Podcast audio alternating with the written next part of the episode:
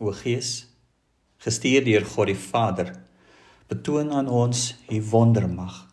Vervul ons harte uit genade met hemelsvuur en lewenskrag. Amen. Welkom Florian wil. Sondag aand en u ontvang dus finanse boodskap, ons Pinkster boodskap. Ons tema fokus op twee goed. Aan die een kant is daar die Here in sy goddelike krag En wat dit vir ons moontlik maak in ons lewe is dat ons sonder bekommernis kan lewe. Dan word dit sonder angstigheid, sonder vrees. Nie sonder probleme nie. Dis nie wat die teks sê nie of wat die gedeelte sê wat ons behandel nie, maar sonder bekommernis. Ons teksgedeelte is Filippense 4:10 tot 13, dis 'n bekende gedeelte.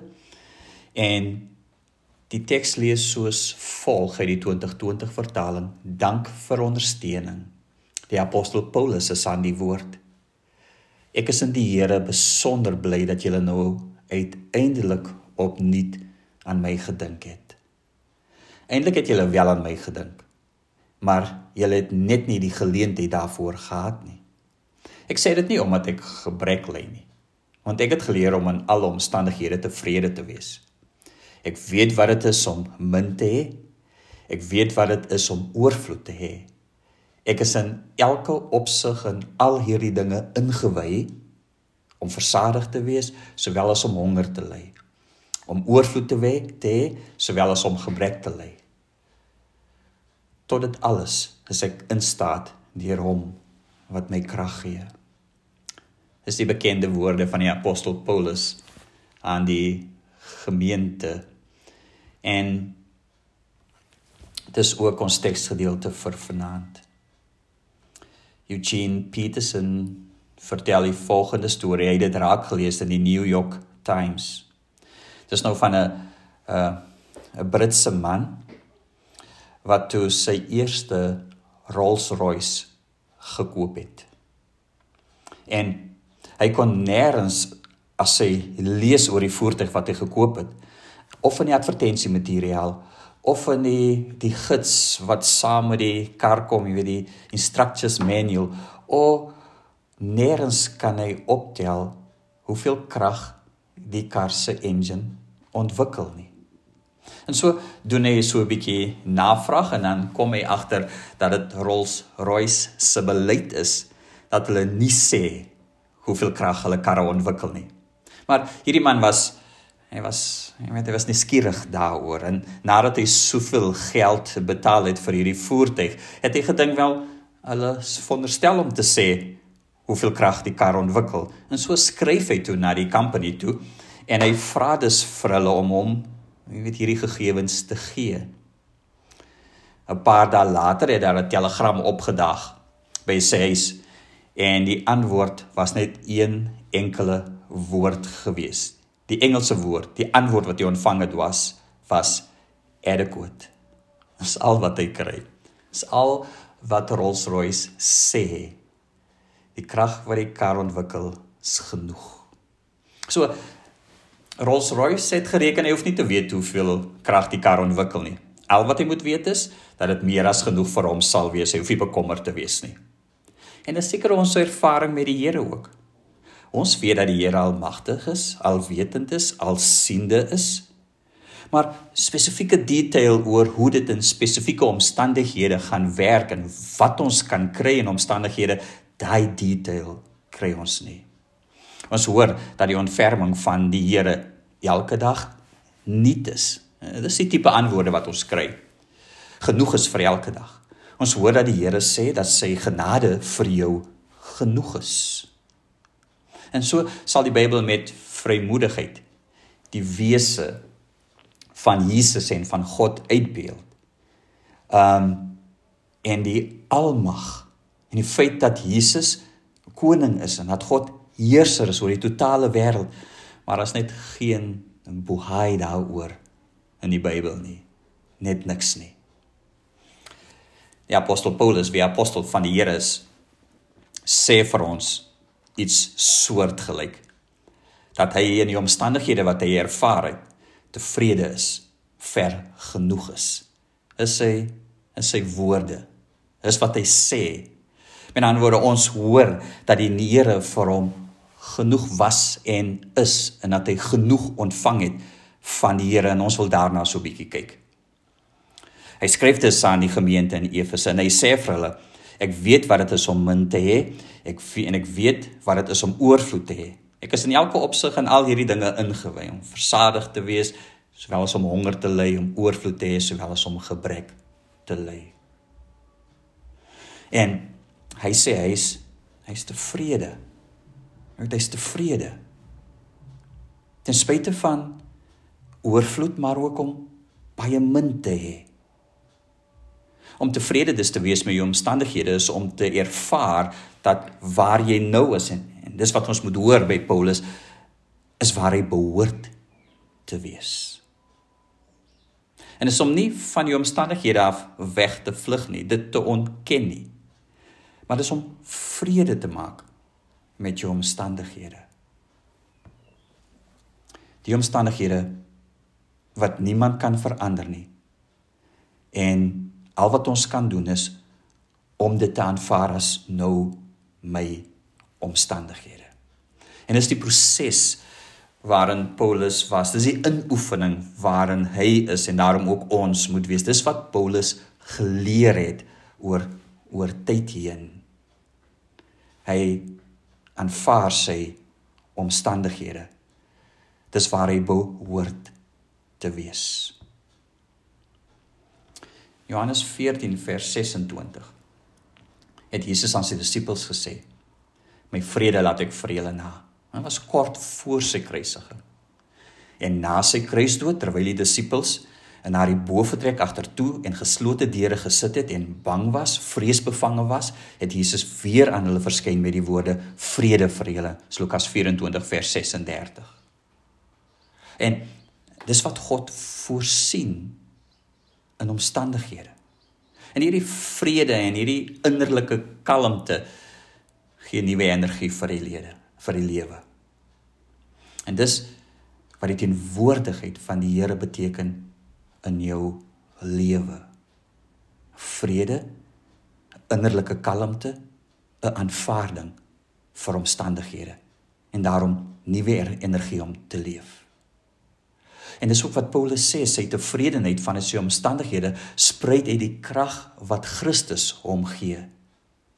En so hier het ons tussen getuie van iemand wat sy bekommernis op die Here gewerp het en die krag van die Here in sy omstandighede aanvaar het en ervaar het. So hierdie woorde van Paulus moet ons glo en weet dis deurleefde waarheid. Dis nie maar net mooi woorde nie. Hy glo dit met sy hele lewe. En dit kom vanuit sy getroue stap saam met die Here, maar dit kom ook van die getrouheid van die Here teenoor ons. Die evangelie is beproef oor tyd heen, oor jare heen. Hy skryf daarom hierdie woorde vanuit die gevangenis. Maar as iemand wat vas staan in die geloof. Hy hoor dus die vrede en die kalmte en die tevredenheid wat hy het. So Paulus is iemand wat eerlik share wat die Here moontlik maak deur sy grootte krag in sy lewe en hy is daarom sonder bekommernis. Hy is bykans naby aan die einde van sy lewe. Hy het vele verdrukking, lyding, twyfel. Hy het alles ervaar. Daar sou vrees ook wees, ons dink so natuurlik. As ons lees wat hy alles moes deurmaak. Selfs die ervaring van die bose ehm um, en dit wat hy moes doen vir die Here, dit was dit was ook daar. En hy skryf die woorde as iemand wat deur die Here tot alles in staat is. Spesifiek dat God hier sy krag vir hom hierdie tevredenheid gee.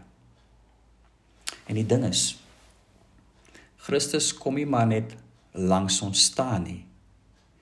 Deur die Gees word hy een met ons.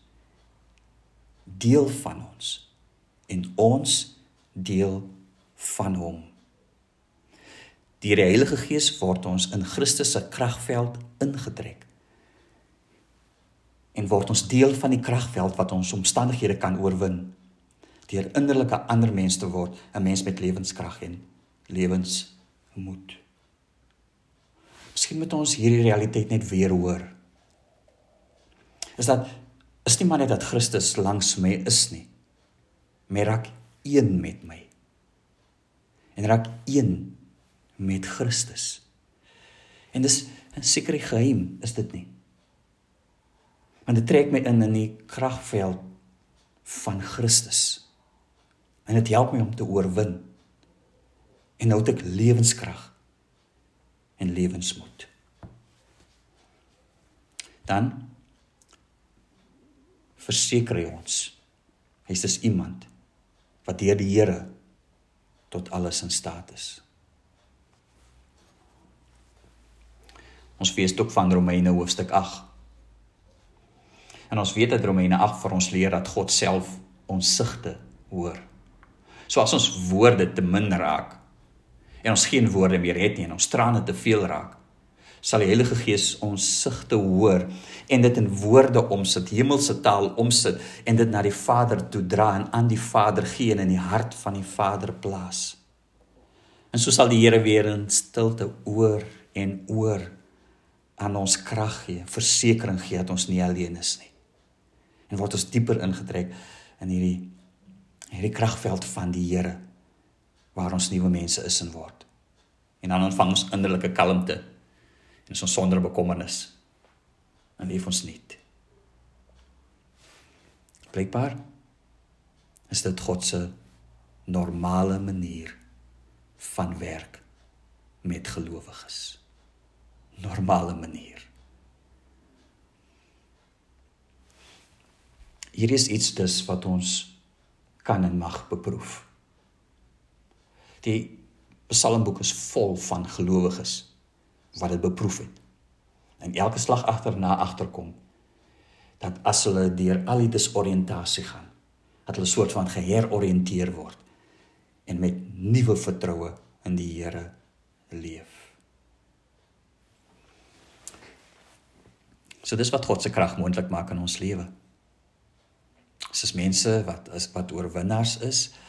Ons is mense, broers en susters wat omstandighede aanvaar en van dit nuut leef. Amen. Baie dankie liewe Heer vir dit Here wat ons kon deel nou met mekaar Here. U is Here uit en uit genoeg vir ons. Meer as genoeg Here. Elke dag genoeg Here. En daarom Here ten spyte van omstandighede soos Paulus swaar kry en beide om te hê en om nie te hê nie. Um Here ervaar hy dat hy tevrede is. En daarom nie wegvlug nie en kalm te hê daaroor. Want God deur sy seun Jesus Christus en deur die Heilige Gees kom raak net so deel van ons. En ons ervaar sy krag. Vader, gee daarom Here terwyl ons hoor en gehoor het van Here van die goddelike krag in die Seun Jesus Christus. Help ons Here om daar Here aan te klop. En dan Here te ervaar presies soos wat Paulus ervaar het ten spyte van ons omstandighede. Dankie Here vir die goddelike krag. Dit werk anders Here as wat ons dalk gehoop het anders as wat ons dink, Here. Ons sou eintlik by kere hoop, Here, dat U net net alle omstandighede verander rondom ons. Ons dit heeltemal vry maak van dinge wat vir ons kwel en angstigheid bring. Maar soos altyd, Here, U kom midde ons omstandighede. En dit sien ons in Paulus se lewe is genoeg. Mag die genade van ons Here Jesus Christus en mag die liefde van God, mag troos en bemoediging van die Heilige Gees saam met elkeen van julle wees. Want aan die Here behoort die krag en die heerlikheid tot in ewigheid. Amen.